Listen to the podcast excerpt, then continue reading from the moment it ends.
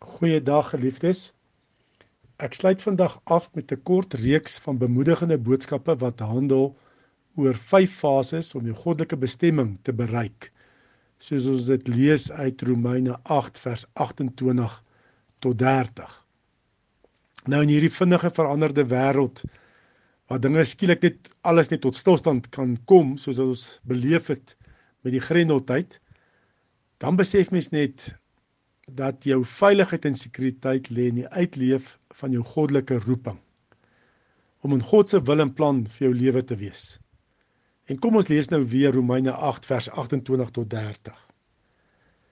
Ons weet dat God alles ten goeie laat meewerk vir die wat hom liefhet, die wat volgens sy besluit geroep is.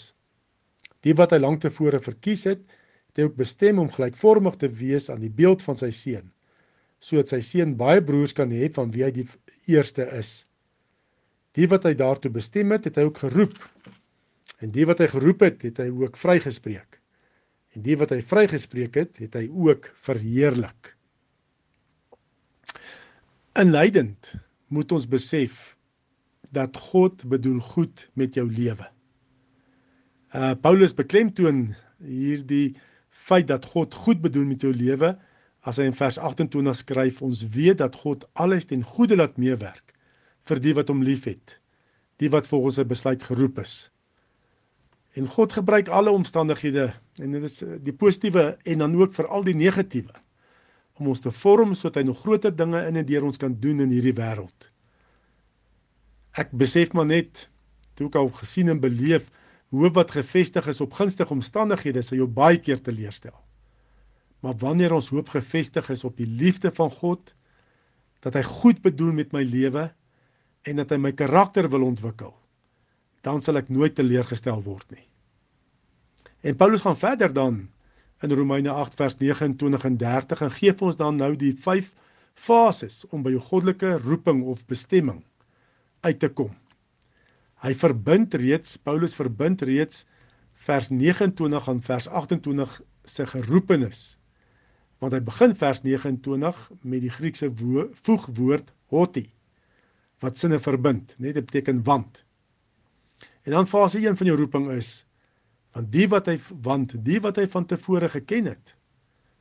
God het vooraf voordat jy geskape is en bestaan het in die hemel kan ons sê 'n boek oor jou lewe geskryf. Wat die doel en bestemming van jou lewe is dinge wat God slegs deur jou wil bereik en volbring. Niemand anders kan jou doel en bestemming volbring nie, slegs jy kan. God het jou bestaan eintlik baie harfyn beplan. En jou bestaan is vir die Here so belangrik en kosbaar dat hy die duurste prys betaal het aan die kruis om jou los te koop uit die mag van die bose, sodat jy jou goddelike bestemming beskryf in sy boek kan bereik. En dan fase 2 Net die het hy ook van tevore verordineer om gelykvormig te wees aan die beeld van sy seun sodat hy die eersgeborene kan wees onder baie broeders. So hoe meer en groter dinge God deur jou wil doen, hoe meer moet jy verander word om gelykvormig te wees aan die beeld van sy seun. Dit is fase 2. Uit Jesus se lewe op aarde sien ons drie metodes wat God gebruik om ons te vernuwe na Jesus se beeld. Die eerste is God gebruik swaar kry om ons te leer om op hom te vertrou. God gebruik versoekings van Satan om ons te leer om hom te gehoorsaam. God gebruik oortredings van mense om ons te leer om te vergewe. Dit is die tweede fase om jou goddelike bestemming te bereik, om verander te word om gelykvormig te wees aan die beeld van sy seun. En dan fase 3. En die wat hy van tevore verordeneer het, die het hy ook geroep. Dis nou vers 30. So roeping is fase 3. God roep jou. Hy wys aan jou 'n spesifieke bestemming wat hy vir jou beplan het. 'n Sekere saak gryp jou in die hart. Jou roeping raak vir jou 'n passie. Jy sal dit doen sonder om daarvoor betaal te word. Roeping kom in jou hart, dit is 'n passie. In die kerk reeds moet ons nie werk met vrywilligers nie, maar met geroepenes. Dan is die salwing van die Heilige Gees op die koninkrykswerk wat gedoen word. En dan uh, fase 4. Ons lees in vers 30: God regverdig jou. En die wat hy geroep het, die het hy ook geregverdig. Jy moet maar verstaan. Sodra jy jou roeping begin uitleef, sal die vyand jou begin teestaan. Sy jou beskuldig en skaamte op jou probeer plaas soos jy is nie goed genoeg nie man. Jy's maar net 'n sondaar en wat probeer jy nou doen? Jy sal nooit jou bestemming bereik nie. En so kan mens aangaan. Dis dan dat God jou regverdig in Christus en jy deur die geloof moet leef volgens jou nuwe identiteit, identiteit in Christus. In Christus verklaar God my regverdig en is ek 'n uitverkore heilige kind van God. Ek het al reeds alles in Christus om my goddelike bestemming te bereik en dit slegs my ongeloof wat God se doel vir my lewe kan verhinder. Geen omstandighede of magte kan keer dat ek my bestemming in Christus bereik nie. Soos Paulus skryf in Filippense 4 vers 13, ek is tot alles in staat deur hom wat my die krag gee. God verklaar jou regverdig in Christus en goed genoeg om sy bestemming met jou lewe te bereik. En nou fase 5. Dit gaan oor verheerliking. Ons lees in vers 30. En die wat hy geregverdig het, die het hy ook verheerlik. Die verheerliking kom met die vervulling van jou roeping of bestemming. Jy leef jou roeping passievol uit. Jy bes, jou bestaan is betekenis en sinvol. Die verheerliking met die vervulling van jou roeping maak die huidige stryd en swaar kry die moeite werd. Die Hebreërs skrywer sê van Jesus: Ter wille van die vreugde wat vir hom vooruitsig was, het hy die kruis verduur sonder om vir skande daarvan terug te deins. En hy sit nou aan die regterkant van die troon van God. Hou hom voor oë wat so vyandige optrede van sondaars teen hom verdra het, dan sal jy nie geestelik moeg word en uitsak nie.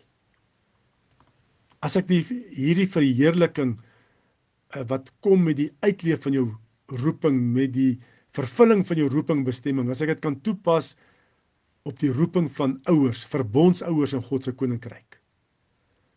Alle ouers in God se koninkryk het die roeping van God om elke kind groot te maak as God se verbondskind God het elke gelowige ou ouer vooraf uitget kies om die verbondsouer te wees van hulle kind. Dit is so belangrik dat jou kinders Jesus sal raak sien in jou lewe. Jy het die roeping van God ontvang en jy is ook bekwam in Christus om dit suksesvol uit te leef om jou kinders by Christus te kry. Verheerliking wag op jou as verbondsouer as jou kind kom tot geloof in Jesus Christus. Dit is 'n groot verantwoordelikheid, maar so die moeite werd as jou kind eendag self kom om sy of haar geloof te bely in Jesus Christus as sy of haar saligmaker en verlosser. As jou kind sy of haar geloof in Jesus bely, dan word jy as verbondsouer verheerlik, want jy dan 'n kind vir ewig in Jesus. 'n Kind ook ander kan die graf. Wat 'n wonderlike voorreg. Ek het so beleef ook self met my twee kinders toe hulle hulle geloof voor God en voor die gemeente as getuies uh, bely het. Kom ons bid saam. Dankie Here dat jy 'n plan en doel met ons lewens het. Dat ons nie per ongeluk hier is nie. Nee, dat U ons lewens beplan het en ons kan sê 'n boek oor ons lewens geskryf het. Dit 'n roeping, 'n bestemming het vir ons lewens. Dat ons geroepen is in die koninkryk is. Dankie dat U ons regverdig verklaar in Christus en dat ons goed genoeg is om ons bestemming met ons lewens te bereik. Want ons is tot alles in staat deur Christus wat ons die krag gee. Openbaar ook aan elkeen van ons wat U roeping vir ons lewens is sodat ons dit met passie en onder die salwing van die Heilige Gees kan uitleef en U koninkryk deur ons lewens kan kom want dit gee sin en betekenis aan ons bestaan. Ons bid alles in Jesus se naam alleen. Amen.